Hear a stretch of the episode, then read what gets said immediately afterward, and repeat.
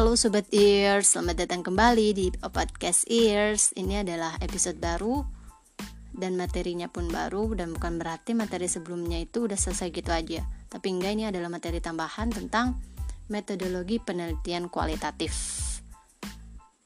Oke, di materi baru pada episode pertama ini aku bakal bahas tentang tipe-tipe penelitian dengan pendekatan kualitatif dan di situ ada dua bahasannya yaitu yang pertama etnografi dan yang kedua itu grounded theory. Oke, aku bakal bahas langsung ke poin yang pertama yaitu etnografi. Etnografi ini secara istilah itu diartikan sebagai sejenis tulisan yang menggunakan bahan-bahan dari penelitian lapangan untuk menggambarkan kebudayaan manusia. Menurut Bradley, Kebudayaan merupakan seluruh pengetahuan yang dipelajari manusia dan digunakan untuk menginterpretasi pengalaman dan membentuk tingkah laku. Dan etnografi ini merupakan penelitian yang membahas tentang kebudaya kebudayaan baik secara baik yang eksplisit maupun implisit. Etnografi ini um, sangat berkaitan erat dengan ilmu antropologi, khususnya ilmu antropologi sosial, karena ia membahas tentang kebudayaan manusia yang mana uh, apa namanya yang menyajikan pandangan hidup subjek yang menjadi objek studi. Nah, um, studi etnografi ini itu merupakan tentang salah satu deskripsi tentang cara mereka berpikir, hidup, dan berperilaku. Etnografi sendiri memiliki beberapa ciri khas pada metode penelitian lapangannya, di mana ciri-ciri tersebut adalah sifatnya yang holistik integratif, thick description, dan analisis kualitatif dalam rangka mendapatkan native points of view. Bersifat holistik atau menyeluruh, nah, artinya kajian etnografi tidak hanya mengarahkan perhatiannya pada salah satu variabel tertentu saja. Nah, bentuk holistik ini didasarkan pada pandangan bahwa kebudayaan merupakan keseluruhan sistem yang terdiri dari satu kesatuan yang utuh. Teknik pengumpulan data yang utama adalah observasi partisipasi dan wawancara terbuka dan mendalam yang dilakukan dalam jangka waktu yang relatif lama. Bukan cuma sekedar kayak kunjungan singkat doang kayak gitu terus ada daftar pertanyaannya terstruktur bukan. Tapi dia kan itu apa namanya dia punya sifat thick description gitu. Hmm, butuh apa namanya informasi yang mendalam gitu. Hmm, jadi gini singkatnya etnografi itu adalah upaya untuk mendeskripsikan kebudayaan. Kebudayaan baik secara implisit maupun secara eksplisit terungkap melalui bahasa.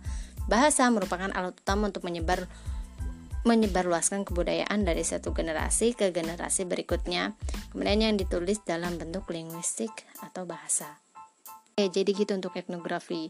Terus sekarang kita lanjut ke grounded theory. Oke, istilah grounded theory Istilah ini itu pertama kali diperkenalkan oleh Glaser dan Strauss pada tahun 1967. Glaser dan Strauss itu menyatakan bahwa mm, metode penelitian kualitatif ini adalah uh, metode kualit uh, met susah ya met, apa namanya Grundy theory ini itu adalah metode penelitian kualitatif yang menggunakan sejumlah prosedur sistematis guna membangun teori substantif tentang suatu fenomena yang disusun secara induktif. Atau grounded teori ini secara singkatnya itu dapat digambarkan sebagai suatu metode riset di mana teori dikembangkan dari data, bukan sebaliknya data dikembangkan dari teori yang ada. Ya, kayak udah jelasin uh, sebelumnya itu di mana penelitian ini itu bukan uh, apa namanya penelitian ini tidak bertolak dari suatu teori atau untuk menguji teori, melainkan katalog dari sebuah data menuju suatu teori.